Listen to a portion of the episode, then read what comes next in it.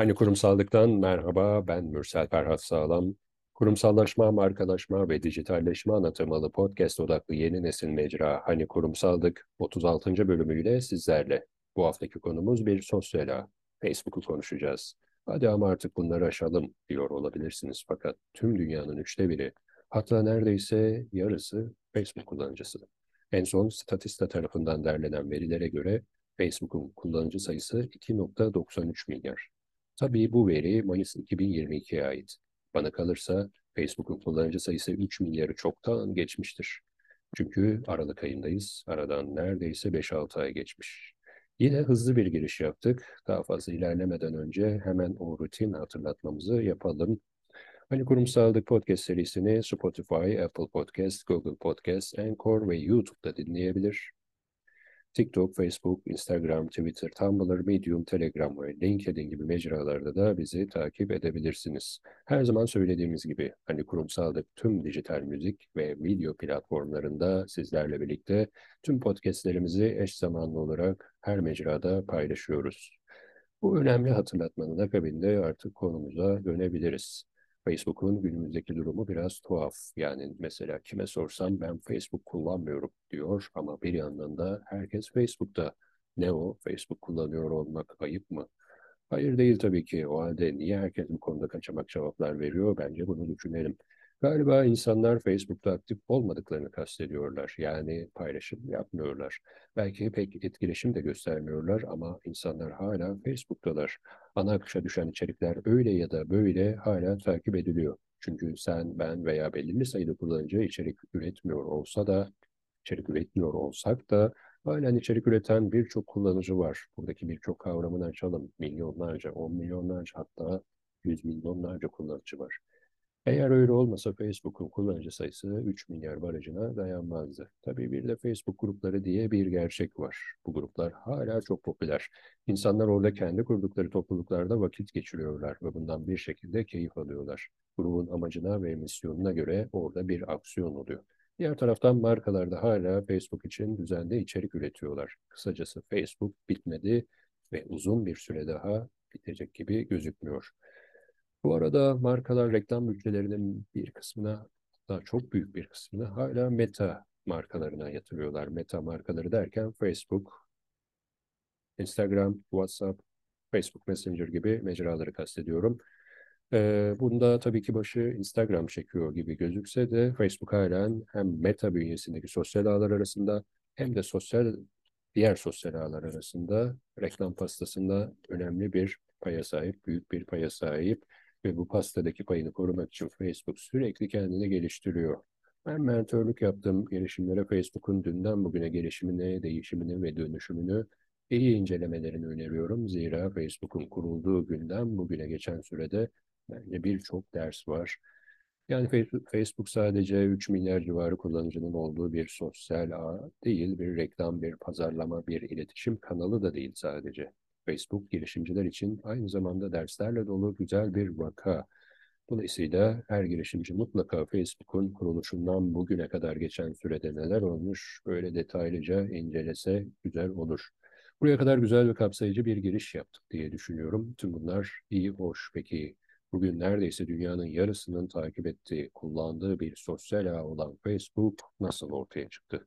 Kitaplarda yazılanları tabii ki aktaracağım. Fakat önce ben Facebook'u nasıl tanıdım bir ona bakalım. Bir o anılarımızı anlatayım size.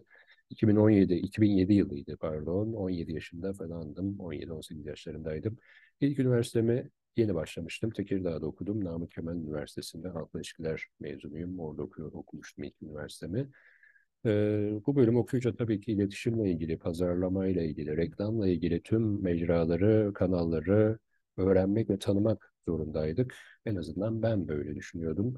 Ve bununla ilgili de sürekli aksiyon halindeydim. Ee, hem geleneksel mecralarda e, varlık göstermeye, onları tanımaya çalışıyordum. Hem de Facebook gibi yeni nesil mecraları anlamaya çalışıyordum o dönemlerde. Mobil teknoloji bugünkü gibi gelişmemişti o tarihlerde. Hala çok kişi, birçok kişi tuşlu cep telefonları kullanıyordu. Ben de onlardan biriydim ve herkesin laptopu yoktu. Laptopun olması ciddi bir ayrıcalıktı. Bakın çok uzak bir tarihten bahsetmiyorum. 2007 yılı. Yani bundan 16 yıl önce, 15 yıl önceden bahsediyoruz. Ee, nereden nereye gelmişiz? İnternet kafelere gidiyorduk internetle ilgili bir işimiz olduğunda. İşte o zamanlar Facebook diye bir şey gündeme gelmeye başladı. Ben Facebook'u sıradan bir arkadaşlık sitesi olarak görüyordum ama Facebook'un lanse edilme şekli biraz tuhaftı tabii ki. Diyorlardı ki Facebook öyle bir yer ki herkes orada. Hatta ilkokul ve ortaokul arkadaşlarını Facebook sayesinde bulabiliyorsun. Böyle bir reklam vardı, ortalarda dolaşıyordu. Böyle bir algı yönetimi yapılmıştı. Facebook'un zaten çıkış noktası da buydu. Facebook bilindiği üzere ilk zamanlar Harvard Üniversitesi'nde öğrenim gören öğrencilerin kendi aralarındaki iletişimi sağlamaları ve birbirleriyle bağlantı kurması amacıyla kurgulanmış ücretsiz bir web sitesiydi. Dolayısıyla Facebook'un böyle anılması ve bu algıyla her geçen gün kullanıcı sayısını arttırması gayet normaldi. Bense bunda bir tuhaflık, bir mantık hatası görüyordum ve bu bir e, mantıksızlık var diye düşünüyordum. Öyle ya eğer bir platformda bir tanıdığımı bulacaksam öncelikle o tanıdığım kişinin o platformda bir hesabının olması gerekir.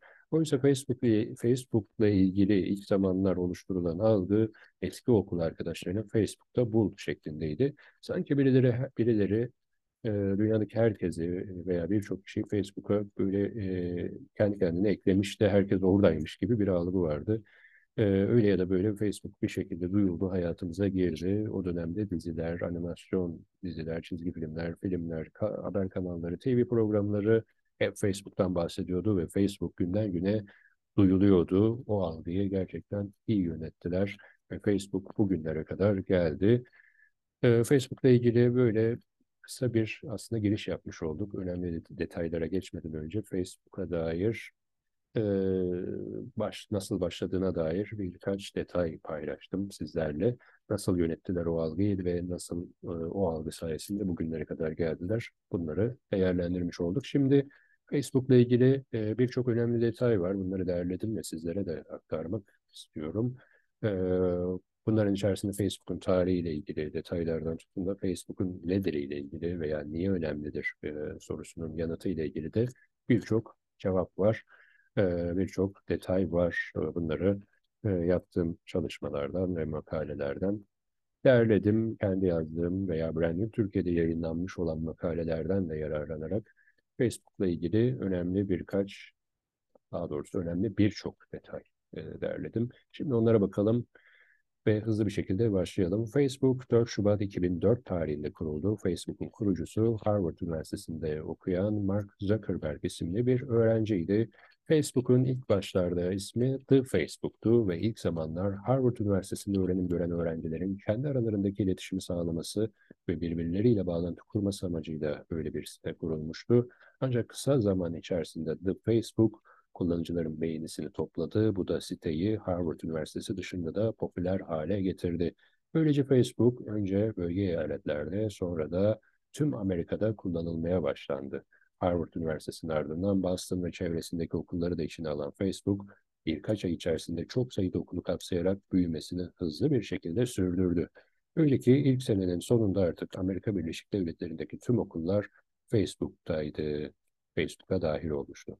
Bu arada üniversite arkadaşlarını bulmaya yönelik bir site olarak yayına başlayan Facebook'ta ilk zamanlar üyeler yalnızca bağlı oldukları okulun e-posta uzantılı adresleriyle kaydolabiliyorlardı Facebook'a. Yani .edu e, adresleriyle kaydolabiliyorlardı veya benzeri e, eğitimle ilgili üniversiteyle veya okulla ilgili bir e, e-postaya ihtiyacınız vardı. Daha sonra siteye liseler e, ve bazı büyük şirketler de katıldı Facebook'a. Dolayısıyla bu kural e, epey bir esnetildi ve 11 Eylül 2006 tarihinde Facebook tüm e-posta adresleriyle kayıt olunabilen bir platforma dönüştü. Facebook'un ilk günlerdeki temel misyonu az önce de söylediğim gibi insanların eski okul arkadaşlarıyla bağlantıya geçmesini ve iletişim kurmasını sağlamaktı. Bu nedenle Facebook kullanıcıları arkadaşlarıyla iletişim kurmak için not, durum, güncellemesi, fotoğraf, video gibi öğeler öğeleri e, kullanmaya başladı. Facebook bu tip e, unsurları platforma dahil etti ve insanlar da bunları kullanmaya başladı. Bu da sosyal paylaşım sitesi kavramını hayatımıza e, soktu. Literatüre böyle bir kavram girmiş oldu. Bu arada tüm bu gelişmelerin dışında Facebook'un üye sayısı kısa sürede 5,5 milyonu da aştı. Yani o 1 milyon kullanıcı barajını hızlı bir şekilde geçti Facebook. Hatta öyle bir ilerleme kaydetti ki bazı kavramlara da öncülük etti. Sosyal paylaşım sitesi gibi veya bir, bir, birini dürtmek gibi dürtmeyi herhalde Facebook'un eski kullanıcıları hatırlıyorlardır. Bu dürtme e, konusu Facebook'ta epey bir gündem olmuştu ve insanlar bununla eğleniyorlardı yani gerçekten eğlenceli bir durumdu. Tabii Facebook ile ilgili anlatılacaklar konuşa konuşa bitmezler ya deniz bir konu ama e, aktarmaya devam edelim. Kısa sürede hızlı bir büyüme kaydetti Facebook ve markalaştı aslında ve bunun neticesinde de ilk teklifini Viacom tarafından e, aldı. Teklif edilen tutar 975 milyon dolardı. Eylül 2006'da ise Yahoo Facebook'a 1 milyon 1 milyar dolar teklifte bulundu. Aynı yılın Ekim ayında Google YouTube'u satın aldıktan sonra Facebook için de 2.3 milyar dolar teklifte bulunmuştu. Ekim 2007'de ise Microsoft Facebook'un %1.6'lık hissesini 240 milyon dolar ödeyerek satın aldı. Facebook'un tamamına yönelik bir satın alma hamlesi işe yaramayınca Google ve diğer şirketler de benzeri bir yöntemle Facebook hisselerine yönelmiştir. Bu arada rakamlar çok büyük olunca ve kısa sürede bu rakamlara ulaşan bir girişimi Facebook'u e, bu şekilde almaya başladığımızda milyar dolarlardan bahsedince biraz dilim sürçtü kusura bakmayın. 2008 yılına gelindiğinde Facebook sunduğu birçok hizmetin yanında Farmville gibi oyunlarla da konuşulur oldu. Hatta babam da oynuyordu ve o zamanlar oyunla ilgili güncelleme yapmam için beni gün içerisinde arıyordu. E, tarlalarıma bak veya işte koyunlar, tavuklar e, büyüdü mü vesaire gibi şeyler söylüyordu. Öyle hatırlıyorum. O güncellemeleri yapmak zorunda kalıyordum. Yani X kuşağı da platforma bir şekilde dahil edildi bu tip oyunlarla birlikte. Ee, neler atlattık neler şimdi aklıma gelince öyle diyesim geldi. Ee, devam edelim. Anılara da bir, bir nevi tazeliyoruz eski zamanları. Aynı sene içerisinde insanlar birbirlerini Facebook'u kullanmaya davet etmeye de başladılar. Sanıyorum Facebook'ta böyle bir modül aktif edildi veya davet etme özelliği öne çıkarıldı. Bunu tam hatırlayamıyorum ama böyle bir durum vardı. Onunla birlikte zaten Facebook'un kullanıcı sayısı da iki katına çıkmış oldu. Böylece Facebook'un üye sayısı toplamda 10 milyonu aştı. Daha önce ağızdan ağza pazarlama ve viral pazarlama gibi konuları podcastlerimizde incelemiştik, anlatmıştık. Bu konu tam da onunla ilgili aslında ağızdan ağza pazarlama podcastini mutlaka tekrar dinlemenizi tavsiye ederim. Bu arada az önce söylemiştim. Facebook hayatımıza bazı kavramlar kazandırdı. Böyle e, podcast boyunca da aklıma geldikçe bunları söyleyeceğim. Bunlardan biri de like'tı. Şöyle e, anlatabiliriz. 2009 yılında Facebook kullanıcıları, kullanıcıları like özelliğiyle tanıştı. Bununla birlikte bir like kavramı aslında e, farkındalığımıza dahil oldu ve literatüre girmiş oldu. Böyle bir e, popüler kültürün bir parçası oldu like e, etme kavramı bir nevi aslında like kültürü oluştu, beğeni kültürü oluştu diyebiliriz. Tabii ki diğer sosyal ağlarda bu kültürü hemen kendi platformlarına adapte ettiler. Twitter'da favlamak vardı. Sonradan o da e, beğeni veya like şeklinde anılmaya başladı. Öte yandan Facebook'la ilgili e, devam edecek olursak 2010 senesinde Alexa e, istatistikleri de dikkat çekici gerçekten. Alexa'yı biliyorsunuz e, galiba 2022'nin ortaları gibi kapandı. Alexa gerçekten emektar bir e, dijital pazarlama aracıdır diyebiliriz. E, hepimizin e, dostuydu. Alexa'yı özlüyoruz diyelim. E, herkesin kullandığı, bildiği bir site analiz aracı. Çok basit ve sistematik çalışan bir araçtı. Son zamanlarda çok efektif değil diyorlardı ama hala birçok marka, marka yöneticisi, kurumsal taraftaki birçok kişi bir web sitesine, bir e, mecraya reklam vereceği zaman hala ilk başta Alexa'ya bakıyordu ve Alexa'daki verilere göre o mecrayla çalışıyordu ve e, her mecrayı bununla analiz edebiliyordunuz. Aşağı yukarı ortalama bir veri sunuyordu size. İşte 2010 senesinde Alexa, e, bu arada Amazon'un bir uygulamasıydı Alexa. Alexa istatistiklerine göre dünyanın en fazla ziyaret edilen ikinci sitesi oldu Facebook 2010 senesinde. Böyle de bir gerçekle karşı karşıyayız. Alexa deyince belki gözleriniz dolmuş olabilir. Eğer gözyaşlarınızı sildiyseniz devam ediyorum. Mark Zuckerberg o sene Time Magazine tarafından da yılın adamı seçildi. Bunu da belirtmek lazım. Facebook tüm bu gelişmeler ışığında 2010 yılında artık toplamda 500 milyon kullanıcıya ulaşmıştı ve seneyi de bu kullanıcı sayısıyla kapatmış oldu. Gerçekten ciddi bir sayı, hiç azımsanamayacak derecede önemli bir sayıdan bahsediyoruz, kullanıcı adedinden bahsediyoruz. 2013 yılına gelindiğinde dünya nüfusunun önemli bir kısmı Facebook kullanmaya başladı. Bu dönemlerde Facebook sadece bireysel kullanıcıların değil, reklamcıların ve marka değerini artırmak isteyen firmaların da odak noktası haline gelmişti. Burada dikkat etmemiz gereken konu ise iletişim, fotoğraf paylaşımı, bilgi aktarımı gibi sosyal kullanımlarının dışında Facebook'un ekonomik anlamda kazanç elde, elde etmek isteyen firmalar ve markalaşmak isteyen şirketler için de uygun bir mecraya dönüşmesiydi. Yani artık Facebook e, aradan geçen yıllar sonrasında bireysel kullanıcıların dışında kurumsal kullanıcılar için de önemli bir mecra haline geldi. Günümüze bakacak olursak Facebook, iletişim, fotoğraf, video paylaşımı, bilgi aktarımı gibi özelliklerin ötesine geçip insanların anlamlı topluluklar, topluluklar oluşturduğu ve kriz anlarında dayanışma gösterdiği, sosyal sosyal sorumluluk projelerinin desteklendiği tam anlamıyla bir sosyal platform haline gelmiştir günümüzde. Özellikle bir doğal afette veya toplumsal olayda Facebook hemen gerçek zamanlı iletişim olgusunu ön plana çıkararak kullanıcıların kendini güvende olduğunu belirten bir paylaşım yapmasını sağlıyor. Facebook'un tarihsel gelişimiyle ilgili detayları aktarmayı sürdüreceğim. Fakat şimdi tekrar bir başa dönelim. Çünkü Facebook isminin nereden geldiğini e, biraz değindik ama açıklamadık. Facebook ismini Paper Facebook'tan alıyor. Bu form Amerika'daki üniversitelerin, okulların, öğrencilerine, öğretmenlerine ve çalışanlarına doldurduğu tanıtıcı bir evrak. Ve zaten Facebook aslında tam olarak bunu yapmıyor mu? Facebook 3 milyar insanın milyonlarca markanın kendini tanıttığı bir nevi devasa bir form değil mi? Hatta bence Facebook aynı zamanda dünyanın en çok izleyiciye sahip televizyonudur. Ama Facebook sadece bu da değil. Facebook ayrıca en çok dinleyiciye sahip radyo Öte yandan Facebook dünyanın en çok okunan gazetesi, dergisi, kitabı ve makalesidir.